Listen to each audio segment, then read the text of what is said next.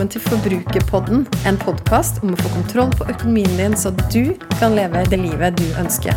Jeg heter Kjersti Grønseth, er trebarnsmor og økonom, og er kanskje aller best kjent som forbrukerfrue. La oss snakke litt om forbruk, for alt starter med det.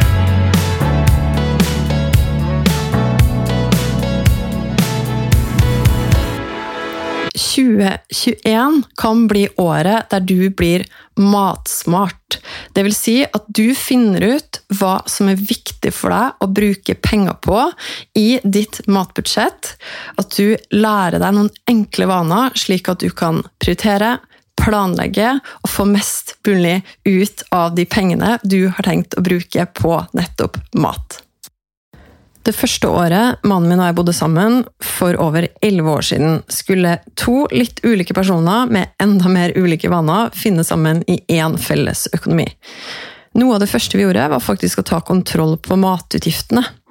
Vi bestemte oss for en sum vi skulle bruke på mat hver uke, tok ut penger i kontanter og la de i en konvolutt. Her pengene tok vi med på handling i butikken, og var det tomt i konvolutten, så var det tomt. Men derimot, hvis jeg hadde penger til overs, kunne vi bruke det på noe ekstra godt til helga. Så blei vi litt mer voksne, fikk ordentlige jobber, hus og etter hvert barn, og matbudsjettet økte. Helt naturlig. Men i takt med at forbruket økte, fikk vi mindre og mindre kontroll. Enda jeg er økonom, ja, det skjer. Penger i konvolutttrikset hadde vi glemt for lengst. Så kom det til et punkt hvor vi var lei av å føle at pengene bare fløy ut, og vi bestemte oss for å ta kontroll. Dette er noen år siden nå. Det første vi gjorde for å få oversikt, var å samle på alle kvitteringene i løpet av en måned. Og da måneden var over, så la vi de fysisk foran oss på kjøkkenbenken. Først sortert på dato og uke, og så i bunka etter hvilken butikk vi hadde handla i. Det ble en skikkelig øyeåpner for oss. Fordi vi så at vi handla på fire, fem, seks ulike butikker i måneden, flere ganger i uka, og ofte på søndag. Det blir fort dyrt. Den gjennomgangen ga oss utrolig viktig innsikt, og vi bestemte oss for noen grep. For eksempel ble vi enige om at vi skulle kun handle én gang i uka, og vi skulle unngå søndagshandling. Vi satte oss på det tidspunktet et mål om å bruke 5000 kroner i måneden, og det budsjettet holdt vi oss til i flere år. Spol fram til oktober 2020. Da meldte mannen min seg på en 90 dagers treningsutfordring med full matplan. Og Det innebar også noen nye matvarer, annet. Og den første måneden med det her var alt veldig nytt for oss. Vi skulle jo i tillegg planlegge to ulike ukemenyer nå. Én til han og én til oss. Og det endte med mange små handleturer på butikken, og noen store. Og da vi oppsummerte måneden, hadde vi brukt over 8000 kroner på mat og dagligvarer. Så måneden etter bestemte vi oss for å ta skikkelig tak igjen og være strenge med oss sjøl med planlegging og ukeshandling, og unngå alle fristende impulsturer. Så hvordan gikk det? Det har jeg lyst til å dele med deg nå. Den første uka kom på rundt 1300 kroner. Andre uka så var vi oppe i over 18 1800, så det var tydeligvis noe mer vi trengte den uka. Og da vi skulle planlegge den tredje uka, tok vi en gjennomgang av hva vi allerede hadde i kjøleskap og kjøkkenskuff for å lage ukemeny, og da landa ukeshandelen på rett over tusenlappen. Og sluttsummen for hele måneden, den var rundt 5500. Det vil si at vi altså brukte 2500 mindre måneden etter. Og det eneste vi gjorde annerledes, var å planlegge fulle ukemenyer med handleliste. Handle én gang i uka, ikke stikke innom butikken for småkjøp, og være gode på å bruke opp alt det vi hadde tilgjengelig hjemme. Vi følte ikke at vi begrensa oss. Og for meg ble det her et utrolig sterkt bevis på hva som er mulig å få til, både med prioritering og planlegging. Og de gode vanene de viser seg faktisk å være helt uslåelige. Mat er en stor del av budsjettet for mange. Og jeg pleier å si at det å spare penger på mat kan oppsummeres med to ord. Nettopp prioritering og planlegging. Det er jo du som kjenner deg sjøl og din familie best, og veit hva som er viktig for dere å ha i kjøleskapet og i kjøkkenskuffen og fryseren til enhver tid. Det jeg oppfordrer deg til, er å bli veldig bevisst på hvilke prioriteringer du ønsker å gjøre. Er mat en post du ønsker å spare penger på nå i det året her, må du nemlig gjøre noen valg.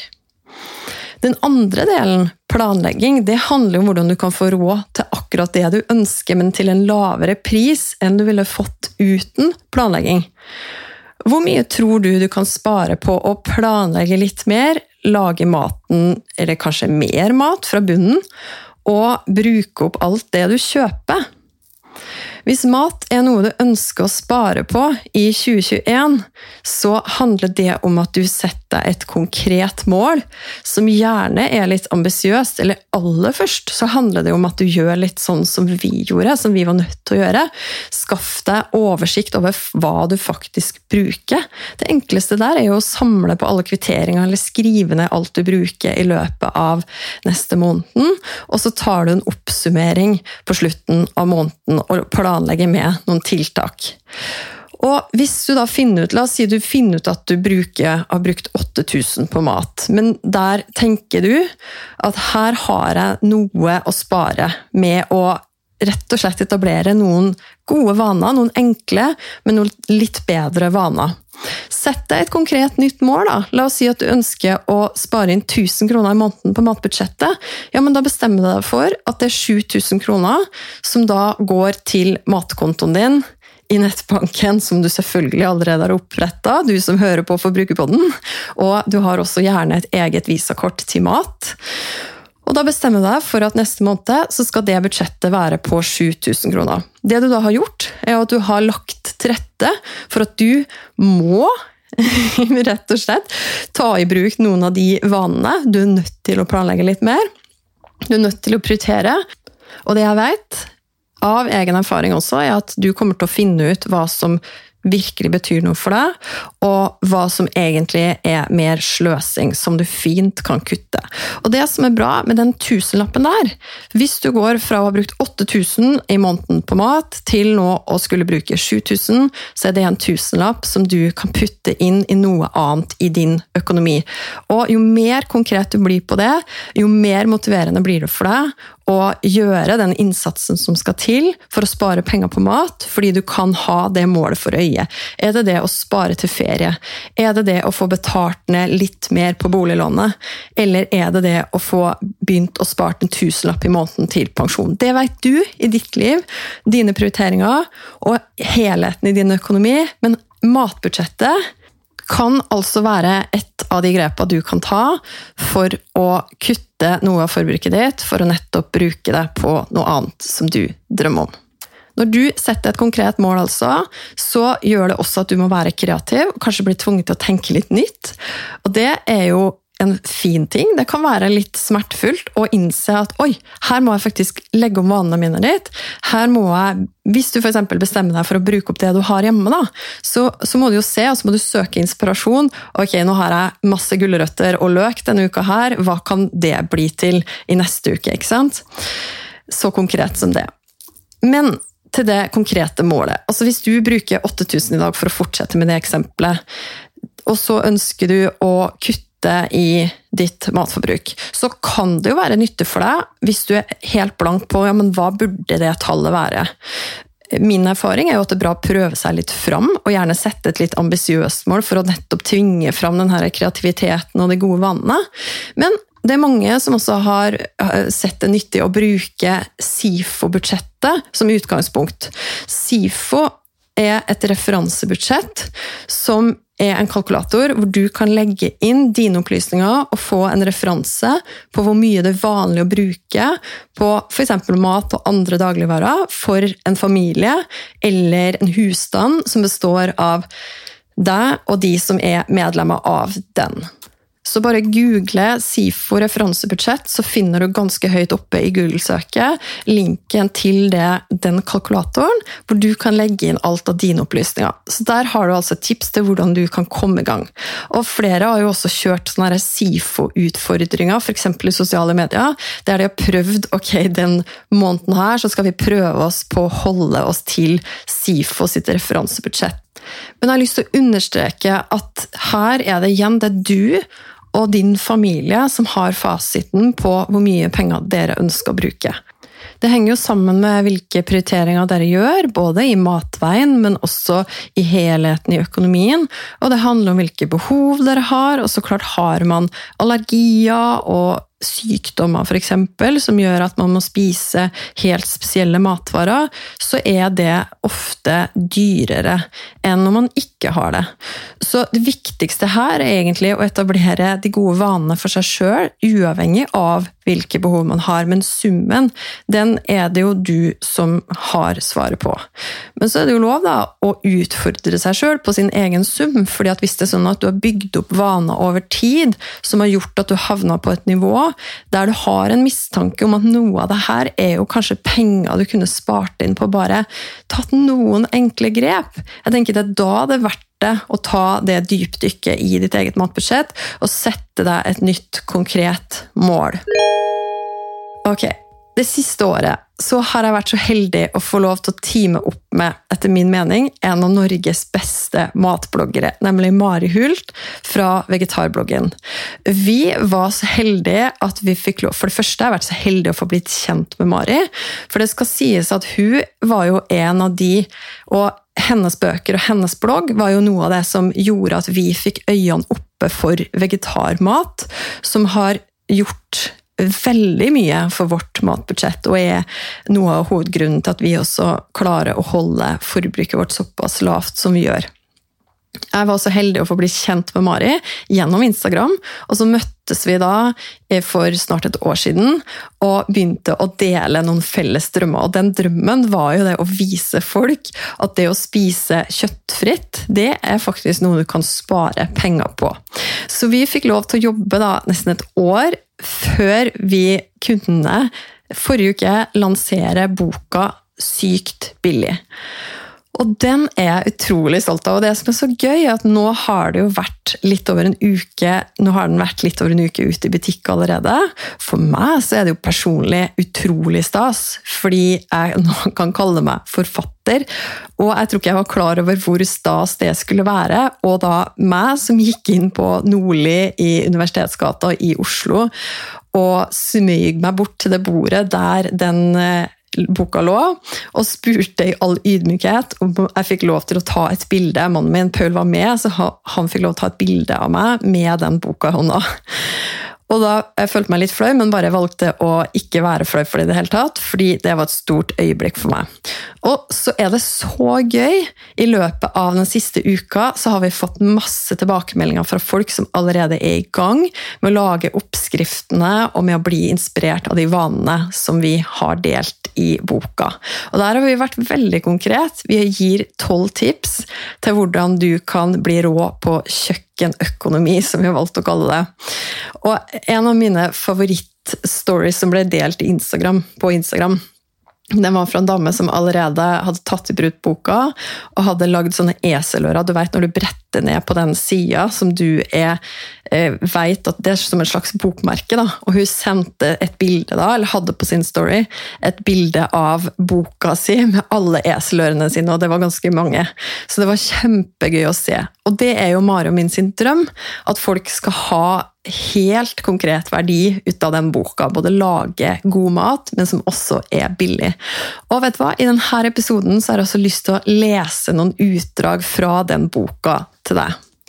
På en av de første sidene så skriver vi at å spise billig handler om mer enn å handle på tilbud, kjøpe lavprisprodukter og spise suppe. Det handler om å løfte blikket litt og se etter råvarer som naturlig har en lav pris, og spise opp alt du handler inn. I denne boka skal vi inspirere deg til å spise knallgode norske grønnsaker når de er i sesong, til å gjenoppdage næringsrike kornsorter urter som besteforeldrene våre spiste daglig, til å bruke belgvekster på måter du kanskje ikke hadde tenkt på før, til å eksperimentere med krydder og sauser for å gi maten den siste finishen, og til å se på matrester som den fabelaktige ressursen de faktisk er. Vi har lyst til å gjøre det gøy for deg å planlegge, handle, lage mat og ikke minst spise den. Vi deler våre beste tips til hvordan du gjør det i praksis, viser deg hvilke råvarer som er bra for både kroppen og lommeboka, og serverer deg til slutt 90 plantebaserte smaksbomber. Sykt billig, vet du. Og du har jo skjønt for lenge siden at eh, de oppskriftene eh, de har jeg veldig lite å gjøre med. Der er det Mari som er hjernen bak. Mens mitt bidrag her, da, det er jo nettopp det vi kaller god kjøkkenøkonomi. Og det er det vi sier er gode vaner. Det er system, det er tankesett og konsept. Det er ting du gjør før, underveis i og etter handleturen. Det er rutiner du blir glad i, avhengig av, og som etter hvert kan utføres på automatikk. Og jeg har lyst til å dele med deg I innholdsfortegnelsen i boka så skriver vi nettopp den første delen der heter 'Spis deg til bedre økonomi' og tolv vaner du trenger for å spise sykt billig. Så i denne episoden her så har jeg lyst til å dele de tolv vanene med deg, med noen av mine tanker rundt hver av de. Ok, for det første, start med å rydde kjøkkenet. Lag deg et system på kjøkkenet ditt som faktisk funke. Og Det er så kult å høre at noen av de som har kjøpt boka, de har ikke bare fått digge oppskrifter på mat, men de har også begynt å ta tak i disse vanene. Og Det var ei som skrev at jeg har allerede kjøpt inn bokser som jeg nå skal fylle kjøleskapet mitt med, sånn at jeg kan få et bra system. For oss i vår familie så har det vært en av de tingene som har gjort det lett å holde oversikten, og hele tida gå inn i kjøleskapet og gå inn i skuffene og vite hva det er vi har, for det er en viktig del av planleggingen.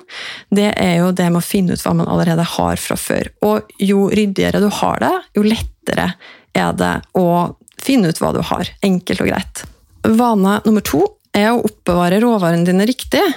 Og med litt kunnskap så kan du faktisk unngå å kaste en hel del mat som du vanligvis kanskje ville kasta. Det handler om hvordan du oppbevarer ting som allerede er kutta opp, det handler om hvordan du oppbevarer de ulike grønnsakene og frukter osv. Vane nummer tre er å planlegge innkjøpene. Og her, det her er nok en av de tingene som gjør at du kan spare mest penger på mat. I hvert fall av min erfaring. Og bruker du noen minutter på å få oversikt over det du har, sette opp menyen for uka og, og skrive full handleliste, så gir det god avkastning for resten av uka. Nummer fire ha en egen matkonto. Det har vi allerede snakka om. fordi at Nettbanken kan hjelpe deg å få full kontroll på hva du bruker på mat. Og enkelt og greit da, så går du inn i nettbanken hver uke om du vil, for å vite hvor mye du har brukt og hvor mye du har igjen, og så planlegger du basert på det. Nummer seks kjøp maten der den er billigst, og når den er billigst. Og det her handler om å planlegge innkjøp basert på når de ulike råvarene er i sesong. Da er det jo ofte billigere, og du kan få tak i lokale råvarer også. Og så handler det om at hvis du har tilgang på en internasjonal matbutikk, en grønthandler, så er det gjerne billigere å kjøpe både grønnsaker, belgfrukter og særlig krydder også der. Du kan kjøpe det i litt større kvantum, så de tingene som du bruker mye av, definitivt mye å spare på å kjøpe der. I tillegg så er det jo selvfølgelig sånn at det er Rema 1000, Kiwi og Extra som kommer best ut i alle tester når det handler om å få lavest mulig sluttsum i mellom de ulike dagligvarebutikkene.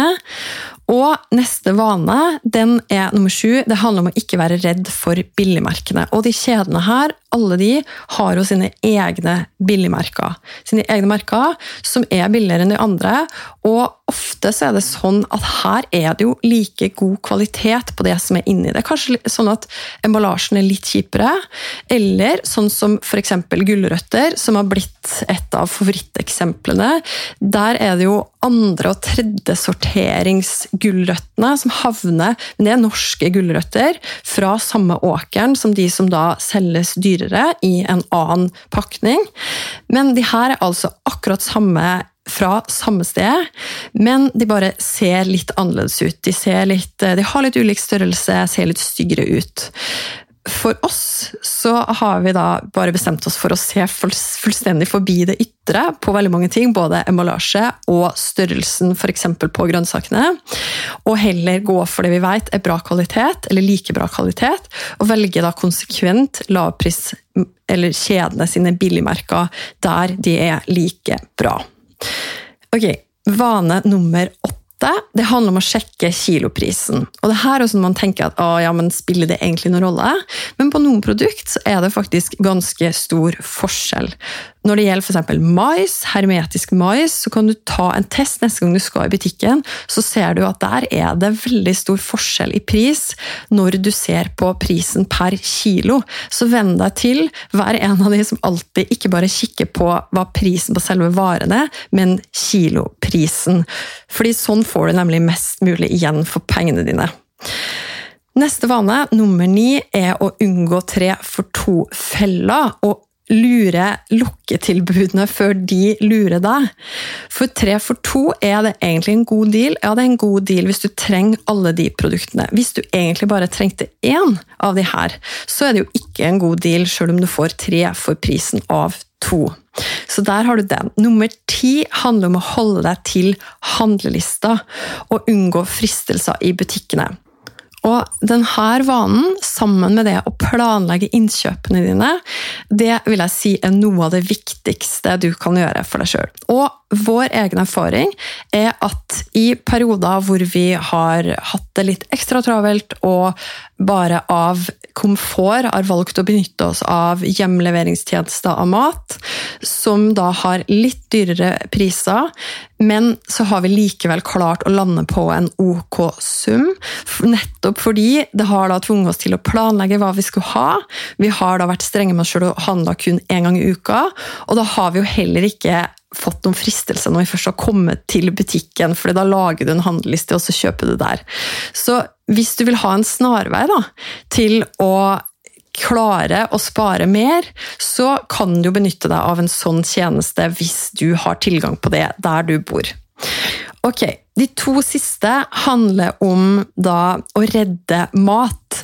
Og vane nummer elleve har vi kalt 'finn perler i utgått-hylla'. Det er jo sånn at Hvis du da er i butikken, så gjør det til en vane og sjekk den der hylla hvor det er utgått mat. og Er du heldig, så finner du noen der som du enten har på handlelista di, eller aller helst har på handlelista di, eller et unntak du kan gjøre, er hvis det er noe du vet du kommer til å få bruk for på et senere tidspunkt, som du kan fryse ned, f.eks. Den aller siste vanen du trenger for å spise deg til bedre økonomi, nummer tolv, er å gi nytt liv til restene. Og det handler om å bli mer kreativ mens du sparer penger, og tvinge deg sjøl til det. Det er noen sånne enkle, små vaner du kan få der. Det handler om, For, eksempel, for min del så spiser jo mine barn spiser utrolig mye havregryn med melk eller yoghurt eller havregrøt, og ofte så blir det stående rester igjen fra det. Nesten uansett. Så istedenfor å kaste de små restene der, da, så har jeg begynt å ta vare på det i en egen resteboks som jeg har i kjøleskapet. Og mange ganger så har jo det blitt til noe digg som vi kunne kose oss med til helga, f.eks. For eksempel, fordi vi har tatt vare på restene gjennom uka. Vi har putta havregryn og havregrøtrester i scones, det er superdigg. Vi har lagd lapper av det. Uh, vafler, åpenbart. Ja, forskjellige ting som vi har brukt de havregrynrestene til. Og verdens enkleste sparetips er jo det å ta vare på middagsrester og bruke det til lunsj dagen etter.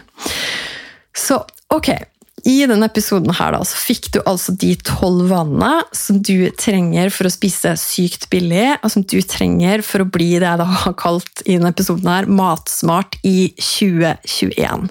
Igjen så vil jeg bare understreke hvor viktig det er at det er dine behov og dine prioriteringer det er snakk om. Det er, handler om hva hvordan hele økonomien din ser ut, og hvordan det å bli matsmart kanskje kan være et av de grepene du tar for å få litt mer ut av pengene dine i år. Og jeg ønsker deg masse lykke til og heier på deg. Og jeg håper at du ser for deg meg og de tipsene her neste gang du skal gå i gang med planlegging, eller du står i butikken og kanskje er frista til å kjøpe noe. Kan ikke jeg få lov å være den der engelen på sida på den ene skulderen som bare prikker deg litt på skulderen og sier at hei, du, var det her en ting som du egentlig trengte, og som egentlig vil gi deg glede nå? Hvis jeg kan få lov å være den engelen i 2021, så er jeg veldig fornøyd, og så håper jeg at du blir fornøyd med at jeg har gitt deg såpass konkrete råd. For som du vet, det jeg brenner for, er å hjelpe deg til å ta gode valg som gjør at du får full kontroll på økonomien din og kan leve det livet du drømmer om. Jeg vil gjerne vite hva du tenker etter å ha hørt episoden. Så koble med meg på Instagram. Der finner du meg som forbrukerfrue. Send meg en melding. Tagg meg gjerne i Story og del episoden her hvis du likte den. Eller send meg spørsmål. Og husk å abonnere på podkasten Forbrukerpodden, så får du beskjed hver gang det kommer en ny episode. Vi høres!